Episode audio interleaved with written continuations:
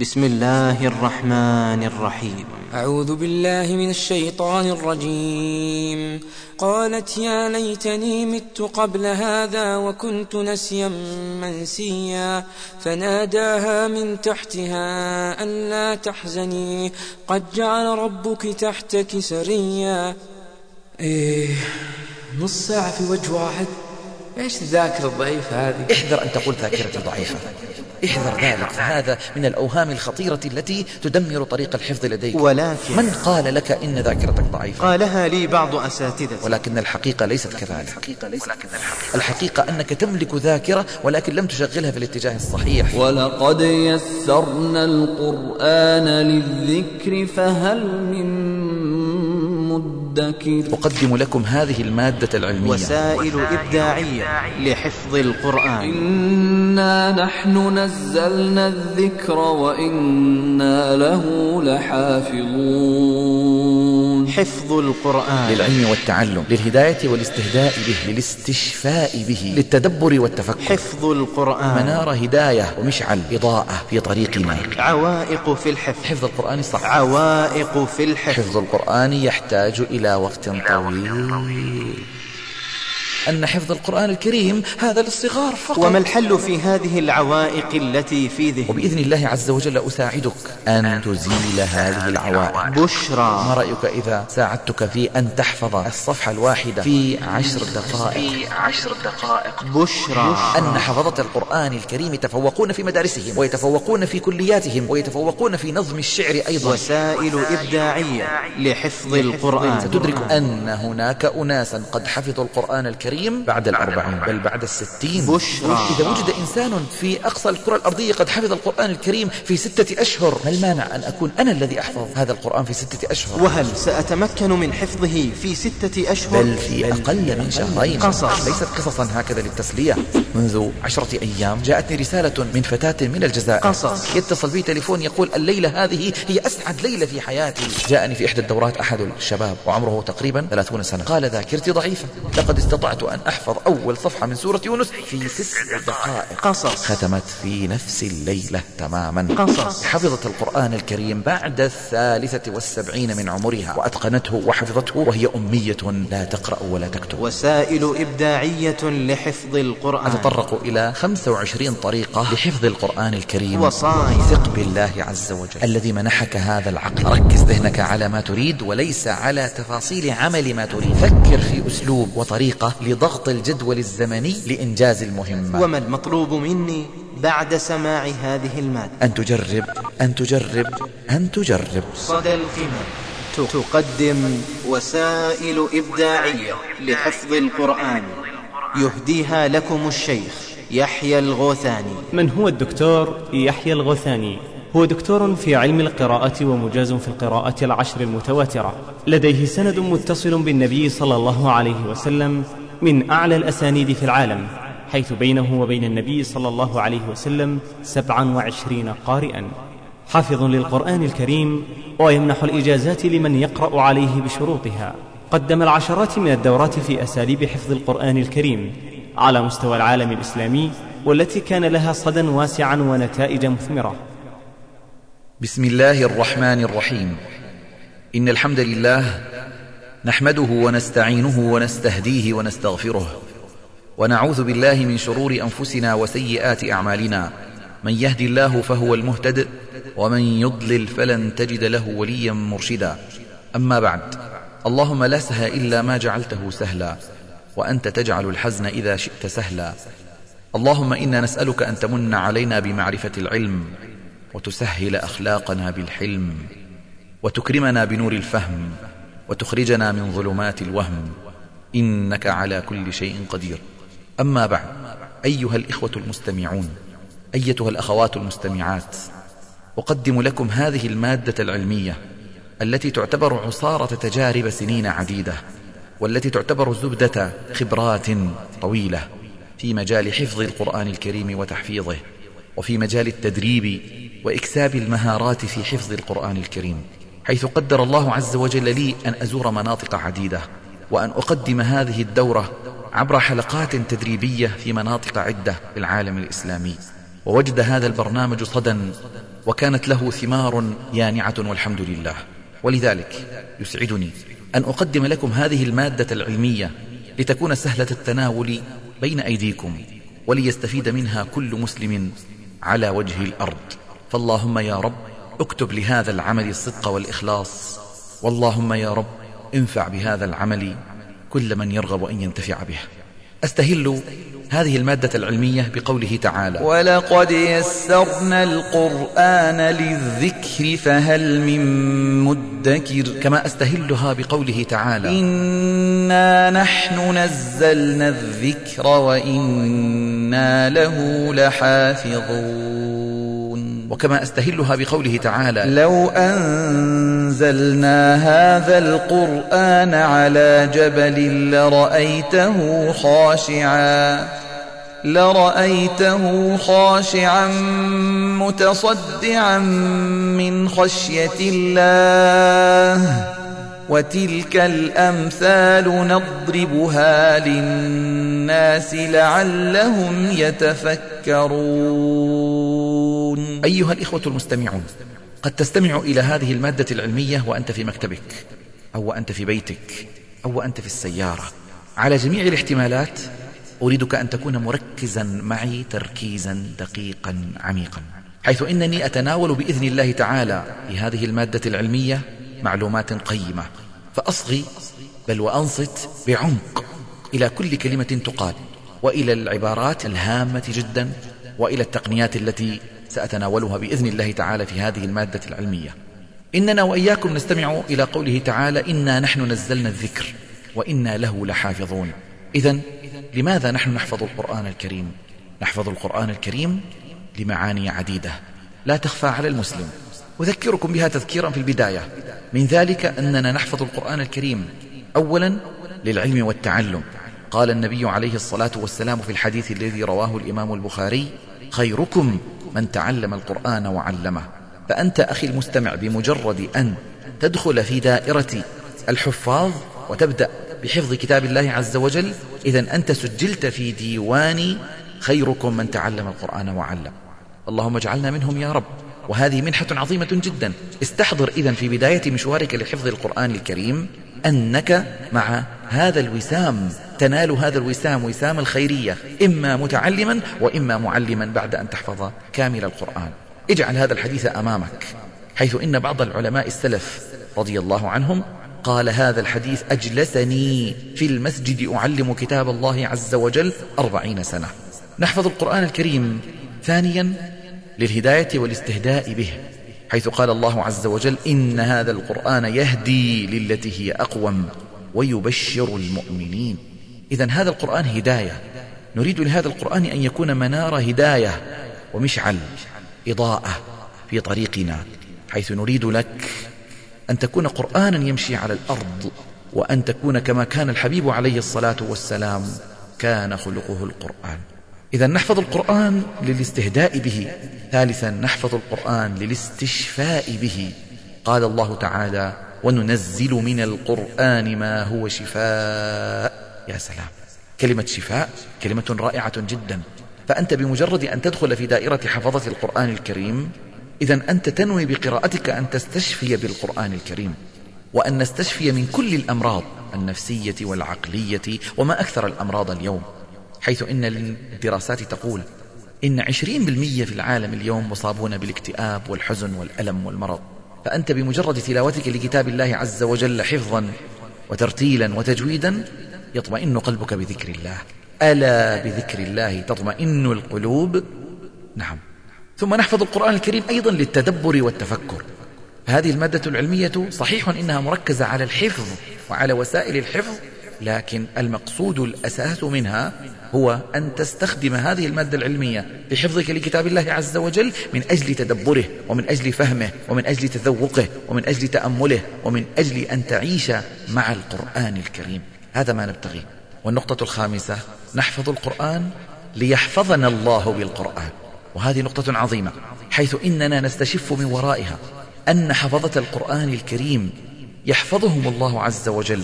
ويمتعهم بذاكرة وعقل منور. بل إنني وجدت نماذج كثيرة من أناس فضلاء حفظوا القرآن الكريم ومتعهم الله عز وجل بعقلهم إلى سن الثمانين بل سن التسعين بل بعد المئة. واسمع إلى هذه القصة. شيخ هندي اسمه الشيخ محمد حياة السنبهلي عالم محدث جليل حفظ كتاب الله عز وجل وحفظ الكثير الكثير من الكتب الستة. وكان شيخ الحديث في الهند عمر مئة وتسع سنوات. قابلته سنة 1408 وعمره 108 سنوات وإذا به ما شاء الله يملك ذاكرة حديدية يقرأ بدون نظارات يكتب بدون نظارات ويذهب للحرم ماشيا. وعندما سلمت عليه وجلست معه إذا به يتذكرني ويتذكر رسائلي السابقة التي كنت أراسله إياها ويتحدث معي بكل وعي وفهم وإدراك لكل ما مر معه في تاريخ حياته. مئة وثماني سنوات لم يصب عقله بتغيير. وهناك قصص كثيرة من هذا النوع حيث يحفظ الله عز وجل أدمغة أهل القرآن الكريم ويحفظ الله عز وجل عقولهم. إذ أن حامل القرآن الكريم يصبح دماغه وعاء لكتاب الله عز وجل ويصبح صدره وعاء لكتاب الله عز وجل.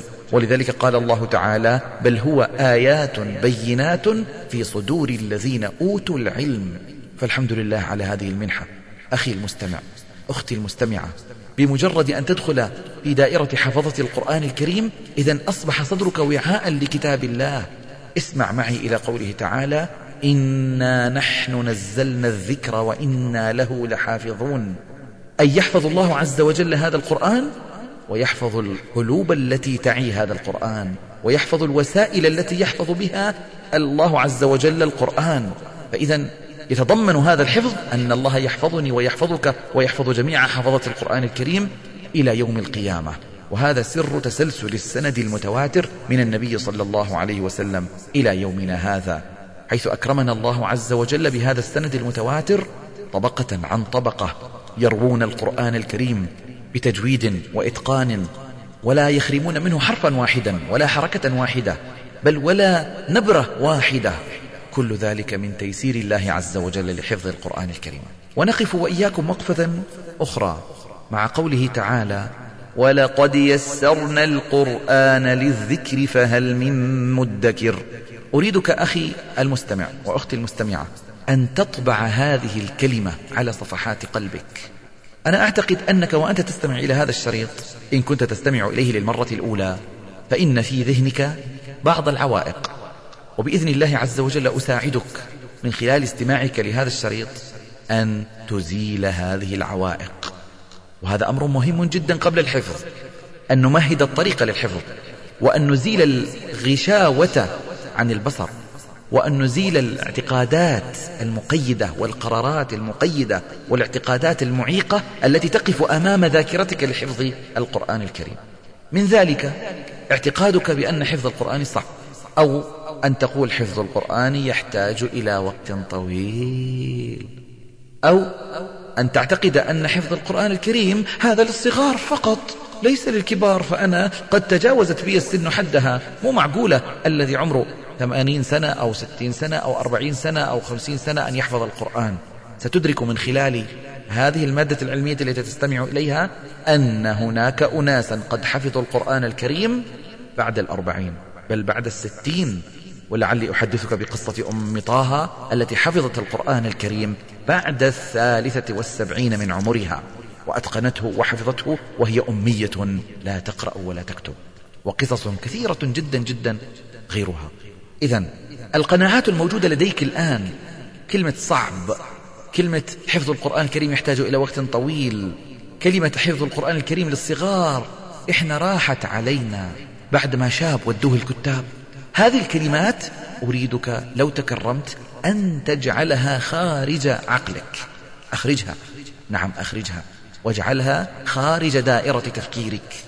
واجعل مكانها قوله تعالى ولقد يسرنا ولقد يسرنا ولقد يسرنا اطبعها على صفحات عقلك وحدث بها نفسك وتحدث مع نفسك بها وبإذن الله تعالى ترى نتيجتها. إذا قابلت أحدا اليوم وقلت له إن من أولو أولوياتي هذه الأيام أن أحفظ كتاب الله عز وجل وإذا به يقول لك يا رجل كتاب الله هذا يحتاج إلى وقت يحتاج إلى تفرغ. فأنت ابتسم في وجهه وقل له ولقد يسرت ولقد يسرت. إذا كنت تتحدث مع زوجتك وقالت لك زوجتك إن الوقت لا يسمح أن أحفظ القرآن وإن وقتي ضيق ولا أستطيع أن أوفق بين حفظ القرآن الكريم وبين رعاية الأولاد ولا أستطيع هذا التوفيق أو جاءك صديق يقول لك عندي عمل عندي دوامان لا أستطيع أن أوفق بين العمل وبين الدراسة وبين الحفظ. قل له بابتسامة حانية ولقد يسرنا. إذا جاءك طالبك أو أولادك أو طفلك الذي هو دون العشر سنوات ويقول لك يا أبي لا أستطيع أن أحفظ. ما أقدر أحفظ هذه الآية؟ قل له يا بني ولقد يسرنا.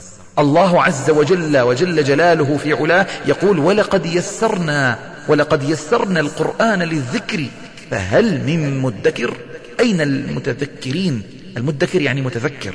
كنت ذات مرة في دورة من الدورات وكان معنا شخص فاضل عمره في الخمسين من العمر. قال لي أنا متعقد من سورتين منذ عشرين سنة لم أستطع أن أحفظهما. ما هما السورتان؟ سورة القمر وسورة الرحمن. يقول سورتان فيهما آيات متشابهة ويعني هذا صعب جدا. قلت له إن استطعت أن تمشي على الخطوات التي نتعلمها اليوم بإذن الله تعالى اليوم اليوم تحفظها. إن شاء الله. قال نعم علمني. قلت قال الله تعالى ولقد يسرنا القرآن للذكر فهل من مدكر؟ هل تصدق أن هذه الآية هي في سورة القمر اللي أنت على حد قولك متعقد منها؟ قال سبحان الله. قلت ليس كذلك فقط بل تكررت أكثر من مرة في سورة الرحمن. فهنا تحطم أول حاجز لديه. ثم بعد ذلك بدأت أحطم الحواجز حاجزا تلو حاجز كما سأحطمها لديك أخي المستمع الآن حاجزا تلو حاجز. وأجعلك بإذن الله تعالى تحفظ أشد السور التي كنت تعاني منها. ويحصل معك مثل ما حصل مع الكثيرين الكثيرين الذين طبقوا هذا البرنامج ونجحوا فيه. منذ عشرة أيام جاءتني رسالة من فتاة من الجزائر تقول أبشرك بأنني اتبعت طريقتك واتبعت استراتيجياتك التي تعلمتها منك وقد حفظت والحمد لله في أسبوع واحد سورة البقرة وآل عمران والنساء. إنه خبر رائع. اللهم يا رب أكمل لها ما تبغي. ولكل المستمعين الآن أسأل الله عز وجل لك أخي المستمع أختي المستمعة يا من تستمع إلى هذا الكلام أن يزيدكم من فضله وأن يعطيك ما تبتغي من حفظ كتابه.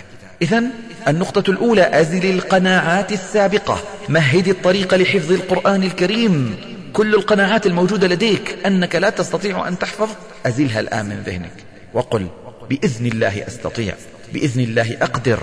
بإذن الله ما هو ممكن للآخرين ممكن لي. سأحدثك في هذه المادة العلمية عن عدد كثير من الذين حفظوا القرآن الكريم. وأسرد لك قصصا. لكنها ليست قصصا هكذا للتسلية ولكنها قصص هادفة. قصص المقصود منها أن تقوم بنمذجتها. ما أقصد بكلمة نمذجتها؟ أن تقوم بالتدقيق في القصة التي أقولها وتركز تماما. كيف حدث هذا ولماذا حدث هذا؟ وتقوم بعملية نمذجة أي إيجاد نموذج من هذه القصة. وهذا ما حثنا إليه القرآن الكريم حيث قال الله تعالى لقد كان في قصصهم عبرة. إذا تساءلنا إخواني لماذا أكثر القرآن الكريم من القصص؟ في سورة البقرة قصص في آل عمران قصص في الأعراف قصص في كل القرآن وتتكرر القصة فيه كثيرا كثيرا. لماذا؟ إن في ذلك لعبرة. فإذا انظر إلى القصة واستخرج منها نقاط القوة ونقاط الضعف. وخذ نقاط القوة وابتعد عن نقاط الضعف. هذا منهج القرآن. فحديثي إليكم معشر المستمعين هو إن شاء الله من القرآن ومقتبس من كتاب الله عز وجل من أجل أن ننفض عن العقول غبارها. وننفض عن العقول كسلها ونحرك في القلوب طاقتها حيث الله عز وجل أودع في عقولنا طاقة كبيرة وأودع في عقولنا سعة في الذاكرة. منحنا الله عز وجل شيئا عظيما يا إخواننا. هل تصدقون أن الدراسات العلمية اليوم تقول إن تحت قبة هذا الرأس يوجد دماغ هو عظيم جدا؟ هذا الدماغ يحتوي على عصبونات وخلايا تتجاوز عشرة بلايين عصبون دماغي. عشرة بلايين؟ نعم. كم عدد العصبونات التي نستخدمها؟ قاموا بالدراسة فوجدوا أن أكثر المبدعين والمخترعين لم يستخدم من دماغه سوى اثنين إلى ثلاثة بالمية. بل هناك دراسة تقول إن أكثر ذلك وصلت النسبة فيه إلى عشرة بالمية. سبحان الله عشرة بالمية فقط من دماغنا نستخدمه طول حياتنا. ولذلك أدعوك أخي المستمع أن تشغل دماغك حيث إن الكثيرين يشغلون دماغهم ولكن في الاتجاه غير الصحيح. شغله في الاتجاه الصحيح. وضع في ذهنك أنه إن وجد إنسان في أقصى الكرة الأرضية قد نجح في أمر ما فأنا قادر على أن أنجح في هذا الأمر. نعم. إذا وجد إنسان في أقصى الكرة الأرضية قد حفظ القرآن الكريم في ستة أشهر ما المانع أن أكون أنا الذي أحفظ هذا القرآن في ستة أشهر؟ نعم سآتيك بأمثلة إلى من حفظ القرآن في سنة وفي ستة أشهر وفي أربعة أشهر بل في أقل من شهرين وذلك باستخدامهم للكثير من التقنيات التي ستستمع إليها في هذا الشريط. إذا أنا وإياك الآن خطونا خطوات طيبة إن كنت استطعت أن تزيل القناعات الآن المقيدة لديك فأنت في الطريق الصحيح. أنت في الخطوة الصحيحة. سل نفسك الآن. ما هي السورة الصعبة في القرآن؟ لا صعبة في القرآن. ولقد يسرنا. كل سور القرآن سهلة حلوة جميلة لطيفة. إذا قرأتها يطمئن قلبك. إذا تلوت كتاب ربك يطمئن فؤادك. ألا بذكر الله تطمئن القلوب؟ إذا أعتقد تماما أنك أخي المستمع أختي المستمعة قد أزلت القناعات السابقة التي تتعلق في صعوبة حفظ القرآن أو أن ذاكرتك ضعيفة. احذر أن تقول ذاكرتي ضعيفة. احذر ذلك فهذا من الأوهام الخطيرة التي تدمر طريق الحفظ لديك. من قال لك إن ذاكرتك ضعيفة؟ قد يكون قد قيلت لك وأنت صغير وقالها لك بعض أساتذتك ولكن الحقيقة ليست كذلك. الحقيقة أنك تملك ذاكرة ولكن لم تشغلها في الاتجاه الصحيح. جاءني في إحدى الدورات أحد الشباب وعمره تقريبا ثلاثون سنة. هذا الشاب قال ذاكرتي ضعيفة. قلت له من أخبرك بذلك؟ قال أنا عارف نفسي. ذاكرتي ضعيفة. قلت له سبحان الله. هذا الاعتقاد هل أنت بنيته على دراسة طبية أو أن هناك طبيبا أخبرك بهذا؟ قال لا لا أنا عارف نفسي. من لما كنت في المرحلة الإعدادية المتوسطة كنت أقرأ الصفحة فأكررها عشرين ثلاثين مرة وأجلس فيها أسبوع كامل ولا تنحفظ معي. قلت له ما رأيك إذا ساعدتك في أن تحفظ الصفحة الواحدة أي الوجه الواحد في عشر دقائق فقط. يقول ما شاء الله هذا مستحيل. قلت له كلمة مستحيل اجعلها خارج دماغك. كلمة مستحيل اجعلها خارج القاعة. كلمة مستحيل بعدها عنك. أنت تجلس معي الآن وأعطيك إن شاء الله تقنية جيدة ولطيفة بأن تستطيع حفظ القرآن الكريم إن شاء الله بمدة وجيزة جدا وتستطيع أن تحفظ الصفحة الواحدة في عشر دقائق. قال ماذا أفعل؟ قلت سر على الخطوات وانطلق. وحدد الوقت واضبطه تماما وابدأ. في اليوم الثاني فعلا جاءني وفاتح يديه يحتضنني ويقول جزاك الله خيرا لقد استطعت أن أحفظ أول صفحة من سورة يونس في تسع دقائق. وهذا شيء مدهش في أول مرة في حياتي. اكتشفت أن لدي ذاكرة. قلت له الحمد لله. وحكيت له قصة ذلك الأخ الذي كان عنده مشكلة في سورة الرحمن وفي سورة القمر. عندما أزلت له الحاجز وحطمت له الحاجز في اليوم الثاني جاء وقد حفظ سورة الرحمن وسورة القمر. بل اخترع طريقة لحفظ وضبط فبأي آلاء ربكما تكذبان. إذا أزلت القناعات إذا أزلت القرارات المقيدة إذا أزلت هذه الاعتقادات السلبية التي تعيقني وتحبطني عند ذلك تنطلق بإذن الله انطلاقة رائعة جدا. أما الآن فنخطو خطوة ثانية وهي مهمة جدا. هل أنت أخي المستمع؟ هل أنت أختي المستمعة؟ راغبون من أعماق أعماقكم. حقيقة بدون مجاملة. في حفظ القرآن الكريم. هناك فرق بين الراغب الرغبة الحقيقية وبين من يشتهي ويتمنى ويقول أرجو أن أكون من حفظة القرآن. أحلم بذلك. حقق حلمك. أحلم بذلك. أتمنى يوم من الأيام أني أكون حافظ القرآن. هذه الأمنيات أو أحاول حفظ القرآن. إذا كنت تريد أن تتمنى خلاص أقول لك قف عن التمنيات. تريد أن تحاول؟ أقول لك لا تحاول. أريدك أن تقرر الرغبة الآن الآن الآن. وأنت تستمع إلى كلامي أسألك هذا السؤال. أريدك أن تقول نعم بإذن الله نعم بإذن الله. قلها بعمق قلها بصدق قلها بيقين. وبإذن الله تعالى. إن توجهت إلى الله بصدق وقلت يا رب أريد حفظ كتابك. عند ذلك يقول لك الله لبيك يا عبدي فأنا كريم والكريم إذا أعطى أدهش. نعم الكريم إذا أعطى أدهش. لقد قلت هذه العبارة في بعض دوراتي فإذا بإحدى الأخوات تتأثر بها جدا وبدأت قالت بإذن الله تعالى أحفظ القرآن الكريم في أقل من شهرين. وعلمتها طريقة التخيل حفظ القرآن الكريم بالتخيل التي سأتحدث عنها إن شاء الله في هذه المادة العلمية لاحقا. وإذا بها تتخيل وتضع في ذهنها أن الكريم إذا أعطى أدهش. تخيلت أن تختم القرآن الكريم في ليلة عرفة والناس على عرفة وهي في الجزائر. تدعو الله عز وجل أن يكون يوم ختمها يوم وقوف الناس في عرفة. وفعلا ختمت في نفس الليلة تماما. لكن المفاجأة كم يوما استغرقت في ذلك من تاريخ قرارها؟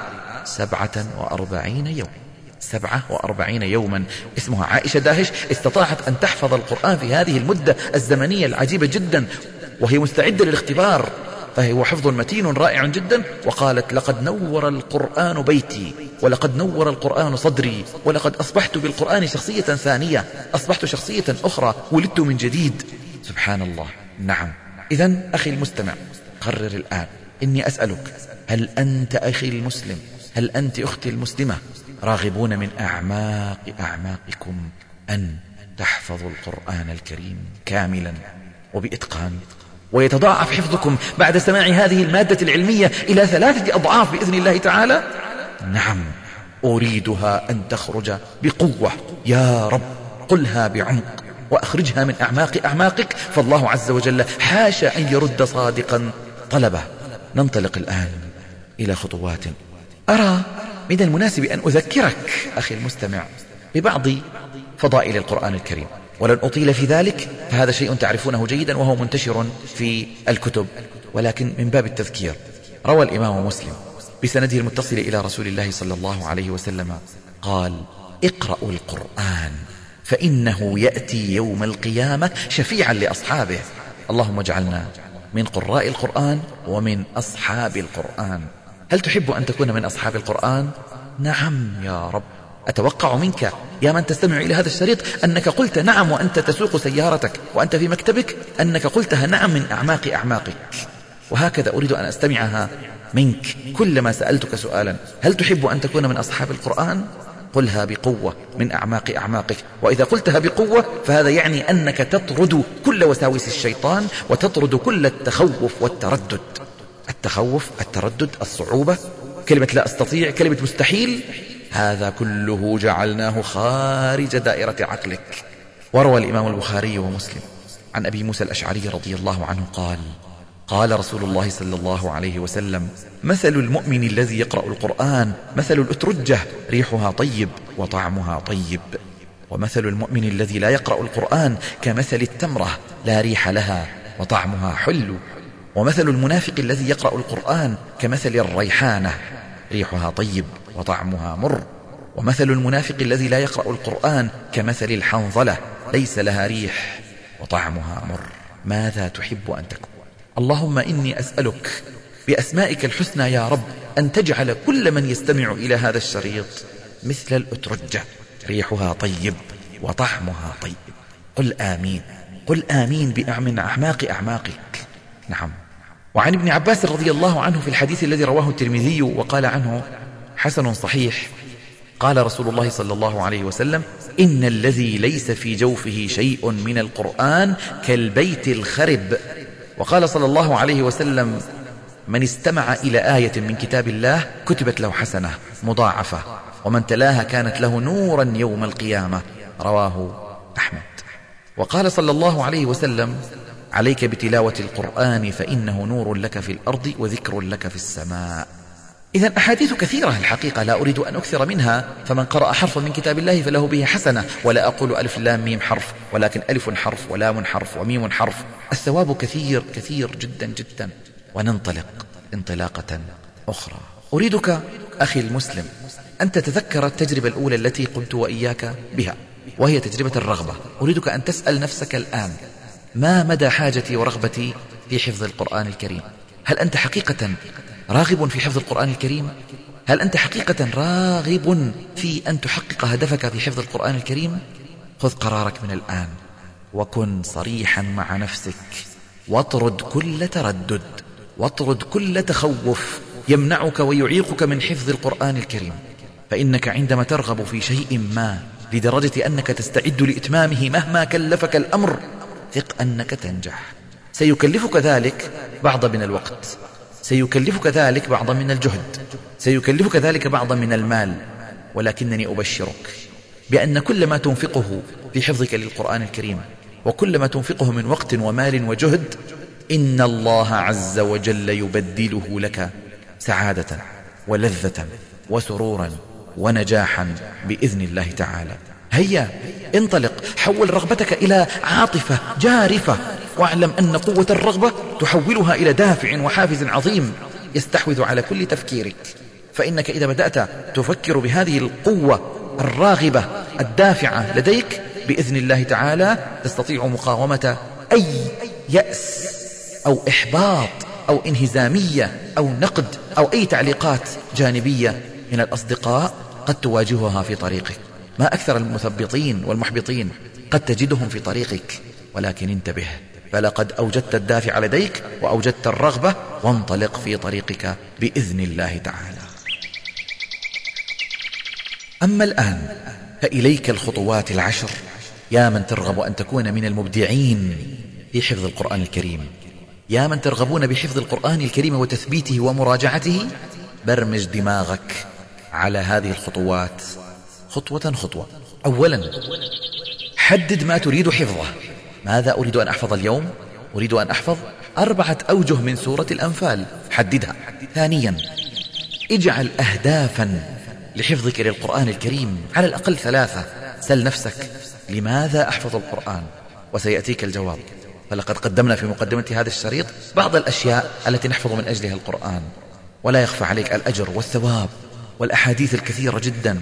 والمكانة الاجتماعية التي ستحصل عليها إن شاء الله والمكانة الأخروية أيضا. هناك إن شاء الله مع النبيين والصديقين والشهداء عندما يقال لقارئ القرآن اقرأ ورقة ورتل كما كنت ترتل في حياتك الدنيا. هذا شيء عظيم. إذا ضع أهدافا لك لحفظ القرآن الكريم وأفضل لك أن تكتبها كتابة. بل أن تكتبها وتعلقها أمامك على مكتبك في صدر منزلك في مكان ما ظاهر. اكتب أهدافك.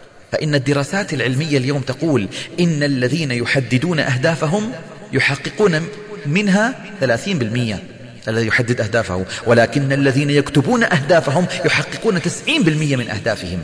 ثالثا ضع تصورا داخليا لأهدافك وتخيلها كما لو أنها تتحقق.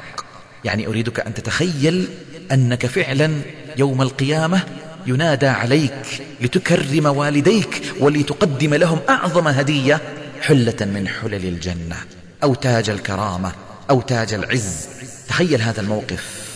ولذلك يقول الإمام الشاطبي هنيئا مريئا والداك عليهما ملابس أنوار من التاج والحلا فما ظنكم بالنجل عند جزائه؟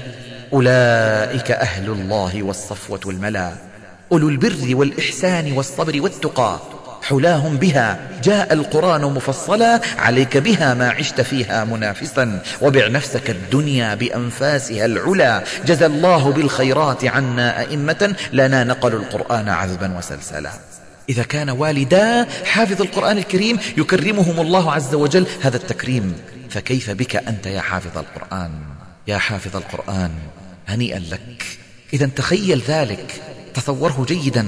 اجعل تصورا في داخل أعماقك كما جعل الإخوة الكثيرون الذين سمعوا مني هذا الكلام سابقا وأيقنوا بتحقيقه ثقة بكرم الله عز وجل ووضعوا أمامهم هذه العبارة إن الله كريم والكريم إذا أعطى أدهش. أكرم الكثيرين بحفظ كتابه فكيف لا يكرمك؟ إن آلافا مؤلفة اليوم تحفظ كتاب الله عز وجل. إنه يكرمك. تخيل أنه يكرمك. تخيل أنك تحفظ القرآن الكريم. تحفظه بإذن الله تعالى كما حدث مع أخ فاضل اسمه محمد التوفيق من بلاد الشام. حضر عندي هذا الكلام وسمع مني وبدأ يتخيل أنه فعلا يحفظ القرآن الكريم. قلت له حدد حدد من الآن. وتصور وتخيل اليوم الذي ستختم فيه كتاب الله عز وجل. قال يوم السابع والعشرين من رمضان إن شاء الله. ليلة السابع والعشرين من رمضان. وبدأ يحفظ. وبدأ يحفظ وأتابعه عن بعد. وما شاء الله تبارك الله. قل ما شاء الله تبارك الله. جاءت ليلة السابع والعشرين وإذا به يختم القرآن الكريم كاملا والحمد لله يتصل به تليفون يقول الليلة هذه هي أسعد ليلة في حياتي ودموعه هكذا في مليانة في عيونه ويقول الليلة هذه لا تسعني الدنيا من الفرح. يا إلهي كم أنت عظيم! وأنا أقول لك أخي المستمع الذي من على محمد التوفيق بحفظ القرآن الكريم في خمسين يوما حددها بالضبط في خمسين يوما في ليلة السابع والعشرين من رمضان إنه الله عز وجل هو الذي يمن عليك إن شاء الله بحفظ كتابه. فاربط حبلك بالله وثق بالله وتوكل عليه. إذا النقطة الأولى حدد ما تريد. ثانيا اجعل أهدافا لك على الأقل ثلاثة. ثالثا ضع تصورا داخليا. عرفت ما معنى التصور الداخلي؟ أي هكذا تخيل تخيل تماما أنك تحفظ القرآن الكريم وتتلوه ولعلي أتحدث بهذه النقطة أيضا بتفصيل لاحقا إن شاء الله. رابعا حدد ما الذي تريد أن تحفظه خلال مدة زمنية محددة. واجعل كلامك هذا حقيقة. كرره. حاول أن تراه. حاول أن تسمع كلامك. حاول أن ترى نفسك وأنت تتلو القرآن الكريم. حاول أن تشعر بها كأنها تحققت تماما. وهذا التحديد نوعان حتى ينجح معك. طبق ذلك عمليا كما أرشدك. فلقد طبقه أناس كثيرون ونجحوا قم بتحديد فترتين زمنيتين. الفترة الزمنية الزمن الجزئي. يعني قل لنفسك خلال هذا الأسبوع بإذن الله تعالى أحفظ سورة الأعراف وسورة الأنفال. وتخيل ذلك وانتظر أسبوعا وسترى أنك حفظتها. النوع الثاني هو التخيل الكلي. التخيل الكلي أن تتخيل حفظك لكامل القرآن الكريم إن شاء الله. بأن تحدد مثلا ستة أشهر أو تحدد سنة أو تحدد سنتين. أنت أدرى بظروفك وأنت أدرى بعملك. قد تكون طالبا قد تكوني طالبة قد تكون معلما. إذا حاول أن ترى حقيقة نفسك وتحدد الزمن الذي تحفظ فيه القرآن الكريم. الزمن الجزئي والزمن الكلي. الزمن الكلي يعني المدة الزمنية التي تريد أن تختم فيها القرآن الكريم. بل حدد بإذن الله تعالى أن تختمه مثلا في اليوم الفلاني. خلال سنة خلال سنتين أنت أدرى بظروفك. يمكن أن تحدده خلال ستة أشهر ويمكن أن تحدده خلال أربعة أشهر ويمكن أن تحدده خلال هذه الإجازة التي أنت تقضيها أو خلال شهر رمضان. هذا ممكن جدا لكن عليك أن تتصوره جيد. هذه النقطة الرابعة. النقطة الخامسة. ثق بالله عز وجل الذي منحك هذا العقل. هذه المنحة الربانية. منحك قدرة. قال الله عز وجل وفي أنفسكم أفلا تبصرون؟ ادخل في أعماقك. وتأمل منحة الله عز وجل وفضله عليك. فالله عز وجل منحك قدرات مدهشة جدا في دماغك. وخلقنا في أحسن تقويم. يا أيها الإنسان ما غرك بربك الكريم الذي خلقك فسواك فعدلك؟ في أي صورة ما شاء ركبك؟ إذا أنت خلق من خلق الله عز وجل من عليك بعقل رائع مبدع مخترع منتج. الكثير من الناس أغلقوا هذا العقل ووضعوا عليه غشاوة وقالوا لا نستطيع أن نحفظ القرآن ولا نستطيع أن ننجز ولا نستطيع أن نفعل. فأريدك أن تثق بالله عز وجل وتتوكل عليه وتنطلق إن شاء الله في حفظك للقرآن الكريم. سادسا ركز ذهنك على ما تريد وليس على تفاصيل عمل ما تريد. بمعنى أنا أريد أن أحفظ سورة البقرة. ارغب بذلك حدد الزمن الكلي وانطلق في الحفظ. ولا تشغل بالك بالتفاصيل التفاصيل ستأتي على الطريق الوسائل والأساليب ستأتي. لا تدري كيف الله عز وجل يفتح عليك فيها. سيفتح الله عز وجل عليك. ستجد أن الجزء الأول من سورة البقرة له طريقة معينة. الجزء الثاني يفتح الله عز وجل عليك به بطريقة أخرى. الجزء الثالث تجد أن هناك أيضا طريقة ثانية. فتجد أن الله يفتح عليك يفتح. أهم شيء أن يكون طريقك لحفظ القرآن الكريم الطريق العقلي ممهدا وأن يكون دماغك مستعدا وأن تكون راغبا من أعماق أعماقك. سابعا فكر في عدد من نتائج وثمار حفظك لكتاب الله عز وجل. ماذا ستربح إن ختمت كتاب الله عز وجل؟ ماذا ستربح في الدنيا من خيرات؟ وسمعة طيبة وجاه طيب ومكانة عالية بين زملائك وتفوقا وتميزا. ماذا ستربح من تميزات في ذاكرتك؟ فلقد أثبتت الخبرات يا إخوة والتجارب أن حفظة القرآن الكريم يتفوقون في مدارسهم ويتفوقون في كلياتهم ويتفوقون في دراستهم ويتفوقون في نظم الشعر أيضا. فإذا قارنت بين شخصين أديبين هذا شاعر وهذا شاعر. تجد أن حافظ القرآن الكريم منهما يتفوق على الآخر لأن لديه مفردات كثيرة ولأن لديه تصورات ولديه صور بديعة جدا فهو يتميز عن غيره إذا لم يكن حافظا لكتاب الله عز وجل. ماذا ستربح؟ اسأل نفسك. وأتمنى في هذه اللحظة أن تكتب الأرباح التي ستجنيها من خلال حفظك للقرآن الكريم. واكتبها في الدنيا وفي الآخرة. أما الأرباح التي سنجنيها في الآخرة فهي كنز لا يعد ولا يحصى. أقلها أنك تكون مع النبيين والصديقين والشهداء والصالحين وأنك ترتقي إلى الفردوس الأعلى وأن أهل القرآن الذين هم أهل الله وخاصته يكرمهم الله عز وجل بإكرامات كثيرة كثيرة كثيرة بإذن الله تعالى. فكر في ذلك جيدا واجعله أمام عينيك. ثامنا زد أو قلل. عدد النتائج بما يجعلها دائما قوة دفع لك يعني دوما ضع أمامك الثمار التي تجنيها من حفظك للقرآن الكريم. زدها أو قللها بحيث تكون دوما دافعا لك. ممكن تأخذ واحد منها وتكتب هكذا بخط عريض أمامك وتضع أمامك مثلا يعني خيركم من تعلم القرآن وعلمه. هذا حديث دافع قوي جدا للحفظ إذا أصابك فتور مثلا. آية قرآنية إن هذا القرآن يهدي للتي هي أقوم ويبشر المؤمنين. يا سلام كلمة ويبشر المؤمنين وحدها هذه كافية أن تزيل همك وغمك وكربك وألمك وغضبك وكل ضيق تمر به في حياتك هذه أخي المستمع. إذا هذه النقطة الثامنة. أما النقطة التاسعة فكر في أسلوب وطريقة لضغط الجدول الزمني لإنجاز المهمة. والطريقة أنت ستستخرجها.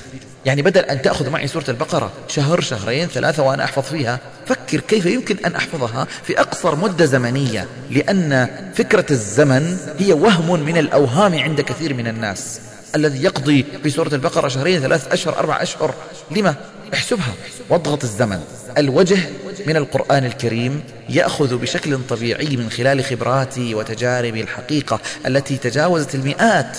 أنه الشخص الطبيعي جدا لا يتجاوز أكثر من عشر دقائق إلى ربع ساعة في حفظ الوجه الواحد أي الصفحة الواحدة. فإذا وجدت نفسك الصفحة الواحدة تأخذ معك نصف ساعة فأكثر أو ساعة فأكثر هذا دليل على أن لديك خللا في الطريقة في الأسلوب طريقة التنفس. في طريقة النظر إلى الآية في جلستك في وضع المصحف. هذا كله سأتحدث عنه إن شاء الله في هذه المادة العلمية. إذا انتبه إلى طريقتك انتبه إلى أسلوبك انتبه إلى الوقت الذي تستغرقه في حفظ الصفحة. واضغط الزمن وتابع نفسك.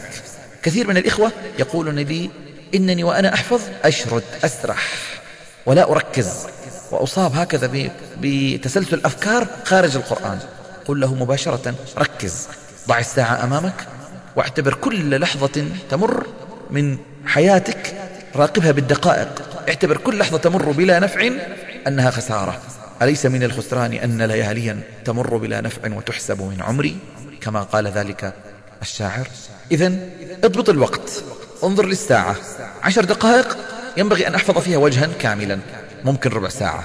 أما لو تأخر معك إلى نصف ساعة إلى ساعة فهذا دليل أنك عندك شيء خطأ. لابد أن تطلع وتعرف ما هو الخطأ. أين الخطأ؟ أين الخلل لدي؟ ربما في تصحيح التلاوة أنني لا لم أصحح هذه الآيات. فينبغي عليك أن تصححها على الشيخ قبل أن تقرأها مثلا.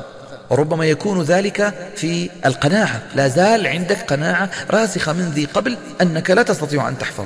فهذا لا يستطيع أن يحفظ. لو أن شخصا لديه قناعة أنه لا يستطيع أن يحفظ هذه السورة سيستمر بهذه القناعة ولا يمكن أن يحفظها. إلا إذا أزال القناعة. وأذكر لكم في هذا عدة مواقف وطرف. منها أن شابا اسمه هشام حضر عندي هذا البرنامج قبل بضعة أشهر. وتحدثنا عن الاستراتيجيات والتقنيات واستخدم قانون التخيل واستخدم الاستراتيجيات الأخرى وحدد أن يحفظ القرآن الكريم في أقل من شهرين. ووعدني بذلك. وحدد بالخطوات التي نتعلمها بالترتيب تماما أنه يختم القرآن الكريم إن شاء الله في أقل من شهرين. وفعلا مرت الأيام وحفظ البقرة وآل عمران والنساء ما شاء الله والأعراف وال... وتسلسلت السور ماشي بطريقة ممتازة جدا إلى أن وصل إلى سورة هود. وفي سورة هود قال لي وقفت. وإذا بي يأتيني هاجس. خاطر قد سمعته من ذي قبل أن سورة هود فيها آيات متشابهة وفيها قصص متداخلة فهي صعبة. فلم أستطع أن أحفظها في اليوم الأول.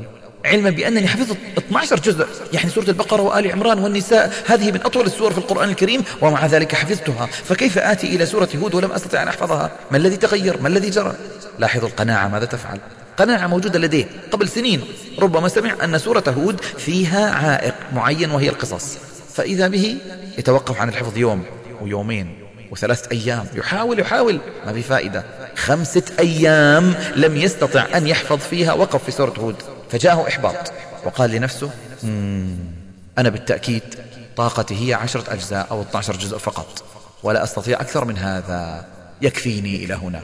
سبحان الله في اليوم الثاني وإذا بي رسالة تأتيه عبر الجوال من زميل له قد آخيته وإياه وقلت له هذا أخوك القرآني. وهذه فكرة جدا جميلة وجدا رائعة أن يكون لك أخي المستمع وأختي المستمعة أخا أو أختا بالله أسميه الأخ القرآني بحيث تراجع وإياه يذكرك ويقوي همتك ويعطيك رسائل إيجابية. أما إذا رأيت أناسا محبطين أو مثبطين فابتعد عنهم.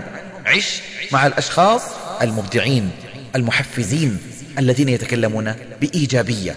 فقال لي هشام لقد جاءتني رسالة من أخ لي.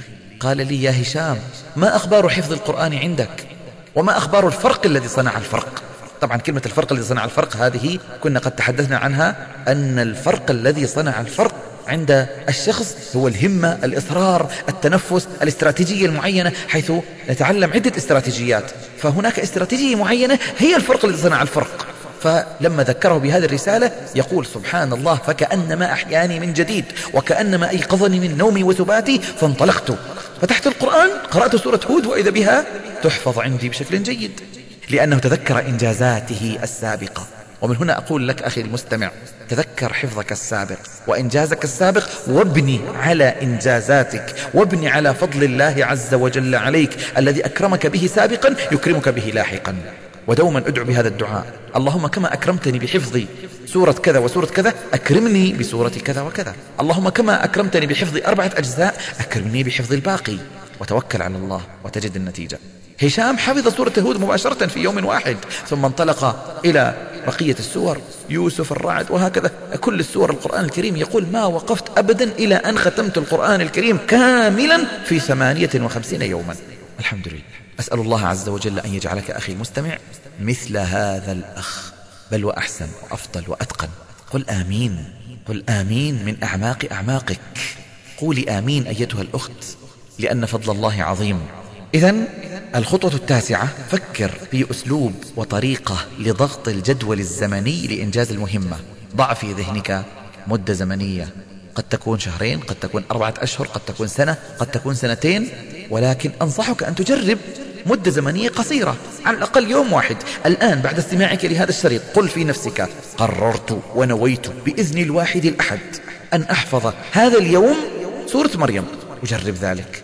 تجد أنك تحفظها وأبشرك أنك تحفظها.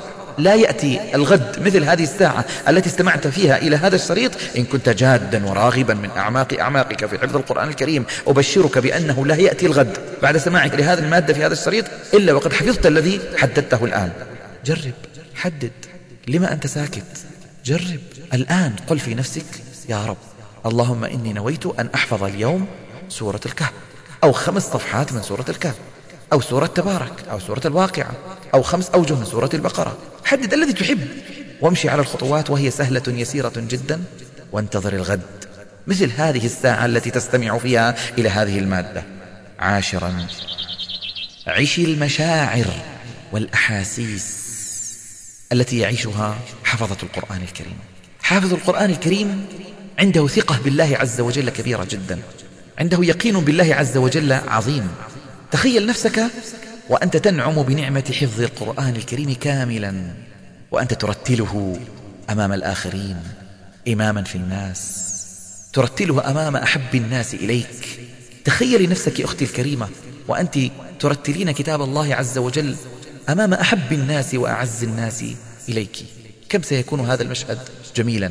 عشي الأحاسيس إن هذا لقريب. قريب جدا جدا إن شاء الله. ثق بالله عز وجل وبأن الله يعطيك وتخيل ذلك. تخيل نفسك أخي المسلم أخي المستمع لهذا الشريط. وأنت تتلو القرآن الكريم في المحراب إماما بالناس ترتله تجوده ولا تخطئ خطأ واحدا. واحذر أن تقول لي لا أستطيع أن أتخيل. فكلمة لا أستطيع طردناها خارج القاع وخارج عقلك. أما داخل عقلك نعم بعون الله أستطيع وبتوفيقه أنطلق. نعم أنت الآن تتخيل نفسك وتعيش أحاسيسك ومشاعرك أنك تحفظ القرآن الكريم. أعد قراءة هذه الخطوات أعد الاستماع إلى الخطوات انسخها اجعلها أمامك. اقرأ هذه الخطوات العشر كلما احتجت إليها وأسأل الله عز وجل أن يمن عليك بفضله ومنته وكرمه وننطلق إن شاء الله إلى استراتيجيات أخرى وإلى أساليب أخرى بإذن الله تعالى. لكن كل ما أريد منك أن تجرب أن تجرب أن تجرب. وإلى اللقاء في خطوات أخرى. وسائل إبداعية لحفظ القرآن.